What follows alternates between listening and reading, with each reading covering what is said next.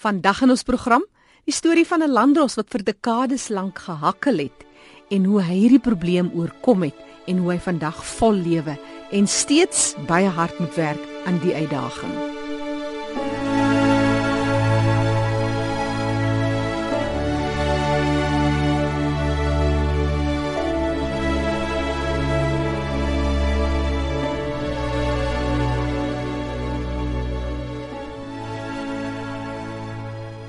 Later hoor ons van 'n ma wat vertel van hoe hulle hulle moue oprol om in hulle gemeenskap al die nodige elemente te skep om vir hulle kinders met down-sindroom so vol lewe as moontlik te laat lei en nou hulle sportklub onder andere. Sy vertel ons meer daarvan.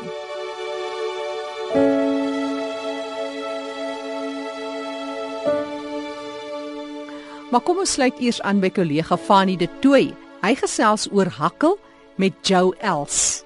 Oor na jou Fanny. Baie dankie Jackie. Joe, um, net voor ons begin gesels oor die kwessie van hakel en die uitdagings wat saam daarmee gaan.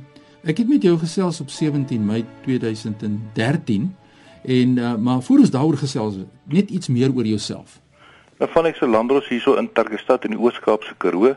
Ek het grootgeword in die Queenstown, Adelaide, Emotino area.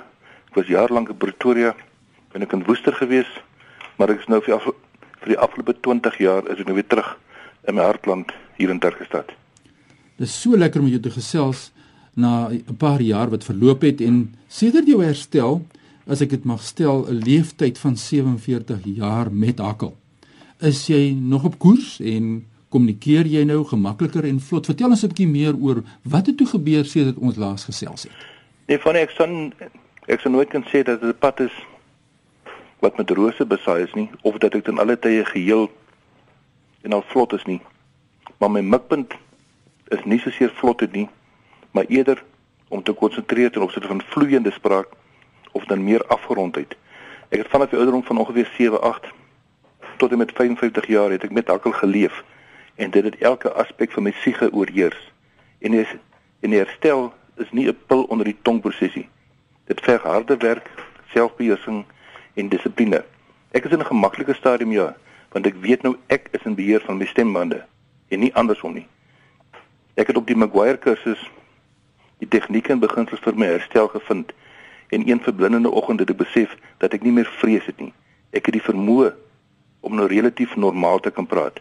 Ek kan dinge doen wat net voorheen in 'n totale droomwêreld bestaan het, maar ek het nog geen rede om te kan roem of te kan ontspan nie.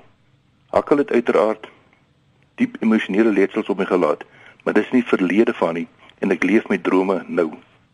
Wonderlik. Ja, ek gaan ook op my Facebookblad gaan ek die vorige gesprek wat ons gehad het in 2013 'n plaas dat mense kan sien en luister na wat ons daai tyd gesels het en kyk wat ons nou kry en die vordering wat daar plaasgevind het en hierdie beheer wat jy geneem het oor jou eie omstandighede. Dit is regtig waar prysenswaardig. Maar kan jy met ons deel hierdie proses van herstel, wat het jy gevind is nog struikelblokke wat jy gehad het? Dit van een van die basiese probleme as ek dit sou kan noem, is dat sedert my vrylating uit daardie gevangenis het ek alle deure oopgegooi. Almal het geweet van my herstel en daarmee het ek in 'n in 'n sekere mate druk op myself gesit, maar dit was druk wat ek op myself wou gehad het. Daar is nie 'n manier om van hakkel te herstel deur net bloot stil te bly of dit te ontken nie. Dit het net 'n verdere verlammende effek. As ek dus invloed met mense in my gemeenskap of op enige vlakke selfs, dan is daar die ooglopende verwagting van die luisteraar om te sien of ek nou regtig kan praat en of ek weer gaan hakkel soos wat die mense my geken het. Ek het ook in 'n mate 'n sekere sekere tipe van 'n roekelose opwinding beleef. Onthou, ek was skielik gedompel in 'n wêreld vol vreemde uitdagende paaie wat ek nog nooit bewandel het nie. My totale opgewondenheid was dit soms oorweldigend. Ek was blootgestel aan radio-onderhoude en selfs 'n TV-satellietuitsending en artikels in koerante en tydskrifte, maar ek dink daarom ek het in die laaste in die laaste paar maande het ek bietjie begin bedaar daarom. Ongelooflik om te luister na die impak wat dit het op op die mens en emosioneel en dis meer. So ek wil graag by jou hoor die uh herstel wat jy nou gehad het. Was dit blootgerig op jou eie omstandighede? Of het jy toe kans gekry om bietjie te gesels met mense wat ook hakkel, jy weet, mede-hakkelaars, want dit is tog waaroor ons daar is om terug te kan gee ons ervarings te kan terugploeg. Wat is jou mening daar? Ja, hieroor het ek 'n totale brandende passie en dit is dis my heeltemal ontblusbaar. Ek het uiteraard intieme persoonlike kennis van hoe dit is om om 'n lewe van hakkel te leef. Al die kontrasterende emosies en die vernederinge daarvan en ek wil dit met mense deel. Ek ontvang steeds oproepe en e-posse van mense na aanleiding van ons vorige gesprek en ook die ander media onderhoude en is daadwerklik in kontak om ander hakelaars te probeer begelei en van raad te voorsien. Ek het geen skaamte oor my verlede van hakkel nie. Ek is bloot dankbaar dat ek die genade ontvang het om dit te kon oorkom en dat ek daarmee nou betrokke kan wees om deel te wees in ander se herstel.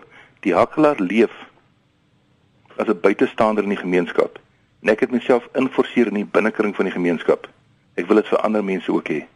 Dit is wonderlik. Uh, ek luister na ons gesels hier saam met Joe Els en Joe is 'n landros in Tarkastad en ek het so 'n klompie jare gelede met hom gesels oor hakkel pas na sy herstel en ons gesels oor die uitdagings en jy het net nou genoem Joe oor struikelblokke maar kom uh, as jy ons hart 'n bietjie kan oopmaak rondom frustrasies wat jy nog steeds het is daar iets wat jy vir ons wil deel wat die luisteraars moet kennis van neem ja daar's my baie frustrasies in hierdie pogings want eerstens is dit geweldig moeilik vir die hakelaar om te kan besef dat hy of sy kan herstel. Want jy leef in jou eie wêreld, jy sluit jouself toe en jy sonder jou van die wêreld af, want dit is baie baie veiliger daar. Enige hakelaar sal presies weet waarvan ek praat. Die sleutel van herstel vir my is juist daarin geleë dat jy moet opstaan en jou vrees in die oë kyk. 'n Verdere praktiese frustrasie is dat ek soveel kontak kry van mense ouers met minderjarige kinders van 6, 8, 10 jaar oud en my hartseer is groot as ek nie daadwerklik kan help hiermee nie. Die Maguire program het begin om hulle ouderdomstoelating van 18 jaar te verminder in spesifieke meriete gevalle en as reeds wonderlike getuienis van herstel op 'n jonger vlak. Maar daar is uiters bekwame spraakterapeute in die beroepswêreld. Ek beveel altyd aan dat dit dat 'n terapeut gesoek word en gevind word wie dan spesifieke kennis of belangstelling in die uiters gekompliseerde wêreld van die hakelaar het. Die enigste persoon wie regtig die emosies van 'n hakelaar kan verstaan en ek sê dit met die allergrootste respek is 'n ander hakelaar. En dit is moeilik om 'n ander hakelaar reg te bereik want ons leef in 'n wêreld van isolasie. En ons is ook nie altyd positief oor mense wat 'n bietjie anders is as ons nie en as 'n mens nou op 'n daaglikse basis kyk, as jy net nou met ons kan deel, eers 'n tweeledige vraag. Die eerste instansie jy oorkom op 'n daaglikse basis praktiese uitdagings by jou werk byvoorbeeld. Kom ons kyk eers na jou werk en dan wil ek oor wat is in die private lewe jou uitdagings dag tot dag iets prakties wat jy vir ons kan uitwys. Ja, van die opsigte van my werksituasie het ek veel meer bevrediging en veel meer ontspanning. Voorheen voorheen moet ek letterlik met my hand op die hofdeur se aanvat verstaan vir 'n paar oomblikke om dan vir kalmte te kan bid. Daardie stuk benoudheid is weg en ek kan beheers en redelik gemaklik my hofverrigtinge hanteer. En dit het voorheen uiterse konsentrasie en ontwykingstegnieke geverg. Ek vind dit relatief makliker om dan formele voorbereide toesprake te lewer. Die groot uitdaging in my privaat lewe is steeds daardie informele om die tafel of om die braaivleisvuur geselsies. Want dit is wanneer mense dissipline geneig is om te ontspan en ou gewoontes maklik posvat onder andere om te vinnig te probeer praat wat my Achilleshiel is. Want as hakelaar wil jy altyd as jy aan die gang kom, dan probeer jy so dan probeer jy soveel moontlik in so in so min moontlike tyd te sê. As ek nou so vashak, is dit moontlik vir my om net dadelik terug te keer na my basiese tegnieke wat ek nog nie volledig kan bespreek nie, maar die gebruik daarvan dwing my om my asemhaling te beheer, om stadiger en met tussenposes te praat en of met 'n laer stemtoon byvoorbeeld. En dis wat ek bedoel met privaat lewe van nie is is met die grootste uitdaging is die informele informele geselsies, die daaglikse informele ontspanne geleenthede, dan is ek meer dan ek meer ontspanne, maar dan is mens geneig om jou tegnieke te vergeet van asemhaling beheer en so as ek 'n formele toespraak maak. Ja. Dan is ek meer gekonsentreer daarop. Ja, so hierdie private informele gesprekke is natuurlik by die werk en sosialiseringsomstandighede ja. en natuurlik ook by die huis. So ja. dit uh, beïnvloed jou as mens in totaliteit. Ja. As ons kyk na die hoogtepunte wat jy nou kan vir ons uitwys wat jy behaal het of oorwinnings hoe wat ons ook al kan noem daar seker soveel en ek meen net die feit dat jy bereid is en die selfvertroue het om met ons hier by RC te kan gesels vandag is ongelooflik 'n oorwinning en 'n deurbraak maar wat kan jy vir ons een of twee uitwys Ja daar was natuurlik hoeveel hoogtepunte en opwindende tye ek het vir my skool af het ek een oorheersende droom gehad dit was om eendag iewers op 'n verhoog te kan staan en 'n toespraak te maak. My eie kings speech as vader. My in die laaste jaar het 'n het 'n voornemende bruispaar vir my, en ek bedoel vir my, het hulle gevra om op hulle huweliksondaal as seremoniemeester op te tree. Ek het dadelik ja gesê en eens later effens benoud begin raak, want die ou vrees het dadelik ingeskop. Sê nou, ek begin hakkel. Want dit was iets heeltemal anderster as 'n voorbereide toespraak. Ek moes in beheer wees, informeel wees, pittig en ontspanne wees, op my voete dink. Ek het die aand na die funksie het ek gelê in die bed, waafheid wakker. Ek kon bykans die ervaring van totale verwondering nie verwerk nie. Maar nog steeds, nog steeds van die gewone, die alledaagse is vir my 'n wonderwerk om nie meer gespanne 'n telefoon op te tel nie. En dis een van die mees gevreesde instrumente vir enige hakelaar. Of net eenvoudig 'n restaurant te kan bel vir 'n tafelbespreking. Dit wat mense doen sonder om eens daaroor na te dink. Wat ek nie kon doen nie en wat my vrou vir soveel jare vir my moes doen. Ja, alle eer aan die ondersteuning wat jy gekry het van jou familie en hierdie is 'n groot groot uitdaging. Jou, dit is 'n aangrypende gesprek vir my. Ek kan daarmee identifiseer want gaan oor kommunikasie ook as 'n doewe persoon wat soveel jaar in stilte was en soveel dinge gemis het in my lewe, selfs my kinders se ontwikkeling in die 25 jaar wat ek glad nie kon hoor nie. So ja. Kommunikasie, kommunikasie, kommunikasie en dit is so wonderlik om met jou kon gesels. Sê net vir my vinnig ja of nee.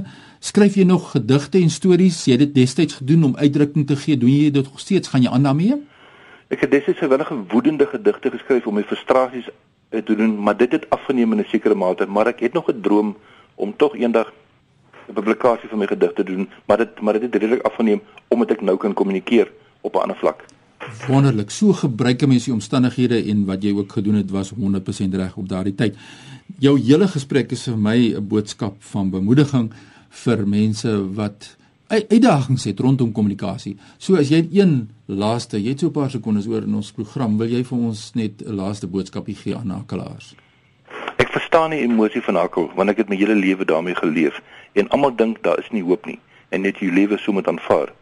Maar daar was altyd 'n stigma ten opsigte van 'n persoon wie hakkel asof hy 'n dom individu, individu is waarmee goediglik gespot kan word. Maar jy het 'n magtelose frustrasie wat jy beleef dat jy ook intelligent kan dink en redeneer, maar dat 'n onsigbare monster in jou keel jou vasbind. Maar daar is hoop, maar jy moet opstaan van nie en jy moet deur jou vreeslike stap. Want dan sê agterkom, die monster is meestal net 'n illusie. Jy kan nie 'n geveg wen deur te bly sit nie. Jy moet staan. Ja, dit is 'n mooi boodskap Joe Els, Joe Els, uh, landros van Tarkastad wat deur hierdie jarelange uitdagings moes oorkom en vandag so lekker met ons gesels. Het jou wakere mense in Johannes wil skakel met jou en kontak maak. Ja, my selfoonnommer is 084 5977 806. Ek is enigtyd bereid om enige persoon op enige wyse van raad te bedien of te help of hulle kan hulle net gaan Google the Maguire program for stammerers en hulle sal al die nodige skakeling sal kry MCG Maguire program for stammerers. Ja, net jou Elsə kontak besonderhede 084 5977 806. Baie baie dankie Joe vir hierdie wonderlike gesprek en baie sterkte met al die uitdagings op. Dankie van die geleentheid was 'n lekkerte vir my gewees. Ja, soos Joe gesê het, dit gaan oor droom. Ons moet nooit ophou droom nie. So stuur vir my nou 'n e-pos aan fannydreams@gmail.com. Ek wil hoor wat is jou drome vir hierdie jaar en hoe jy die uitdagings gaan aanpak terug na jou in Johannesburg, Jackie.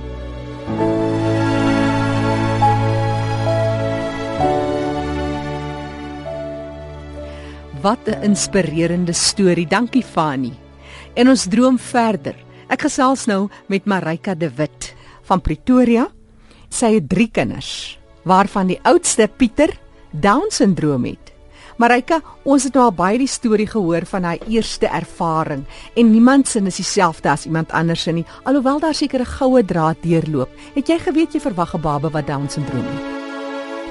Ons het glad nie geweet nie. Ons was intedeel glad nie eers bewus daarvan gewees nie. Die normale siftingstoetse ehm um, het glad nie enige uh, aanduiding vir ons gegee. So nee, ons was totaal en al onbewus. So 3 dae na geboorte het ons um, bewus geword van die feit dat hy Down syndroom het. Dis nou al uh, Pieter is 11 jaar oud, twee babas tussenin ook gekom. Pieter is die oudste. Jy is 'n besige mamma, soveel so dat Pieter, het ons het 'n mooi foto van hom waar hy oor 'n wenstreep hardloop. Jy moet 'n bietjie gaan kyk op ons webtuiste, erisg.co.za, klik op fotos. Dis mos reg as ek sy foto daar sit, Marike. Absoluut. Ons um, is baie trots op op daardie einste foto.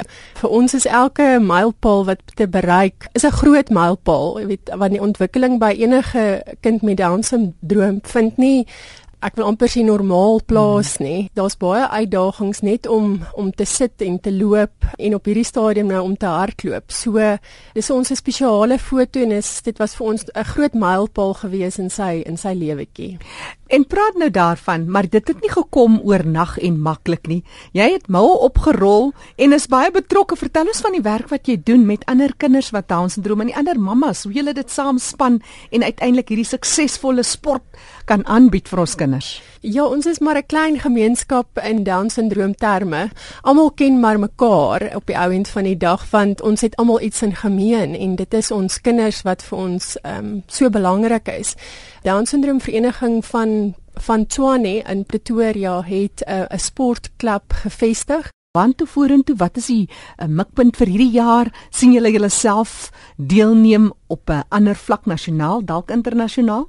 Julle wenslysie. Wat ja. sou jy sê? Ehm um, ek ek dink die eerste prys is net deelname vir ons kinders om net net aktief deel te wees van 'n uh, instansie of 'n klub waarby hulle 'n belang het um, hmm. en waar toe hulle voel hulle hoort tot tot iets. Ehm um, dit is maklik in privaat of in staatskole. Ehm um, daar is atletiek en daar's verskeie sportsoorte, rugby en netbal, maar geen privaat of is publieke skool weet sluit in dat daar 'n aparte byeenkoms is of 'n aparte item of 'n wedloop is byvoorbeeld by atletiek net ja. vir met vir kinders met ehm um, spesiale behoeftes nê. So hierdie open vir ons eintlik um, baie groot deure en en ek ek um, my verwagting of my wenslysie is nogals dat dat elke skool eendag ehm um, 'n aparte item by hulle huisport of hulle interhuis of um, by 'n cluster byeenkoms of waar ook al 'n aparte um, wedloop of item sal hê vir kinders met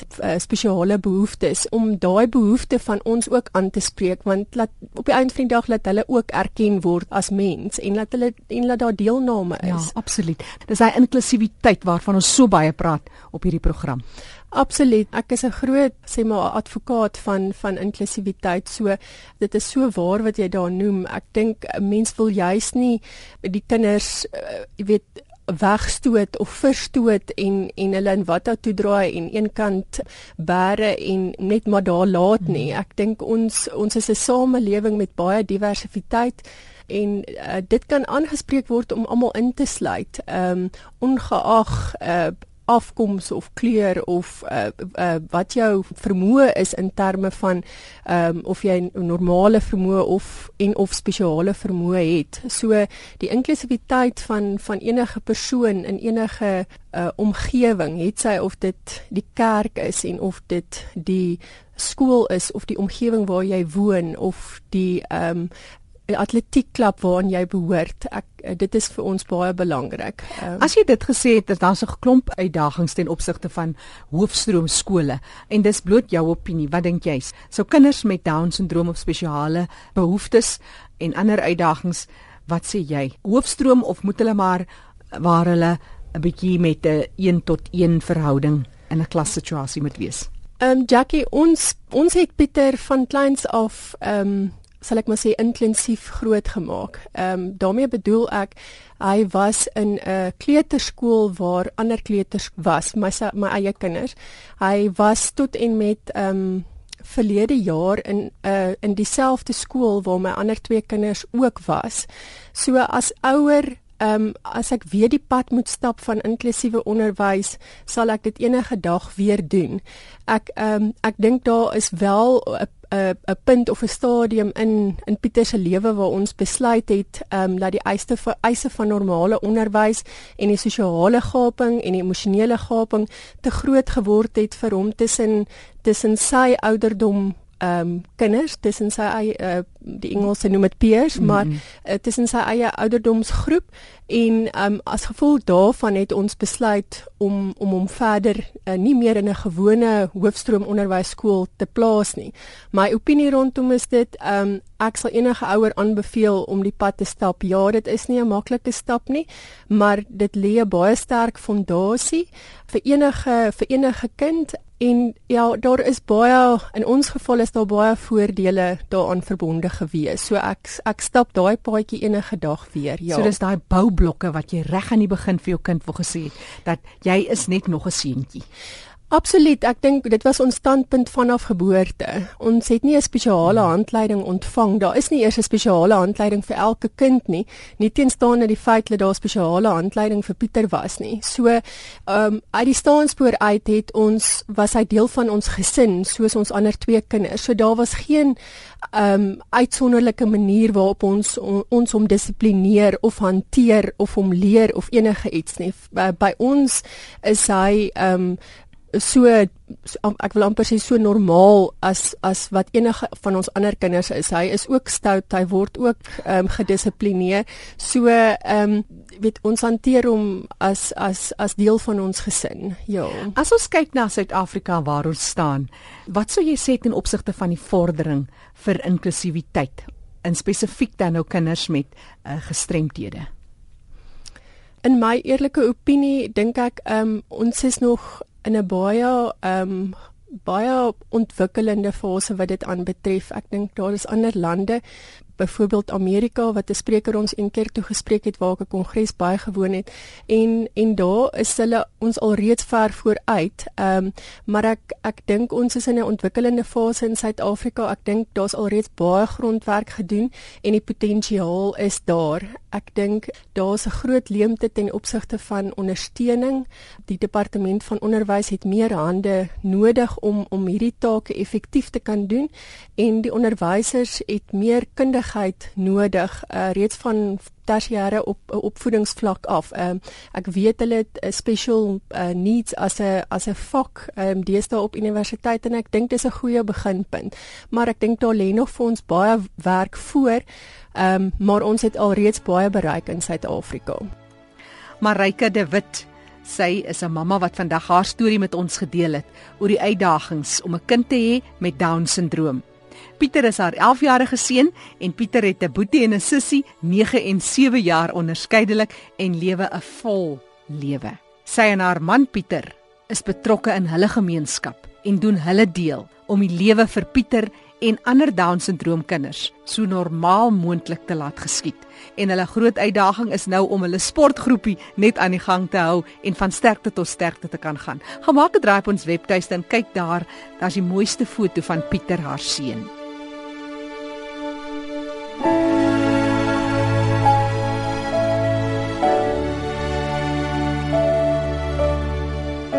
Onthou jy kan weer gaan luister na hierdie program Weefwêreld van die Gestremde. Gaan na die webtuiste rsg.co.za, klik op potgooi en luister en op ons webtuiste is ook al die kontakbesonderhede van ons deelnemers. Ek is Jackie January wat groet tot 'n volgende keer.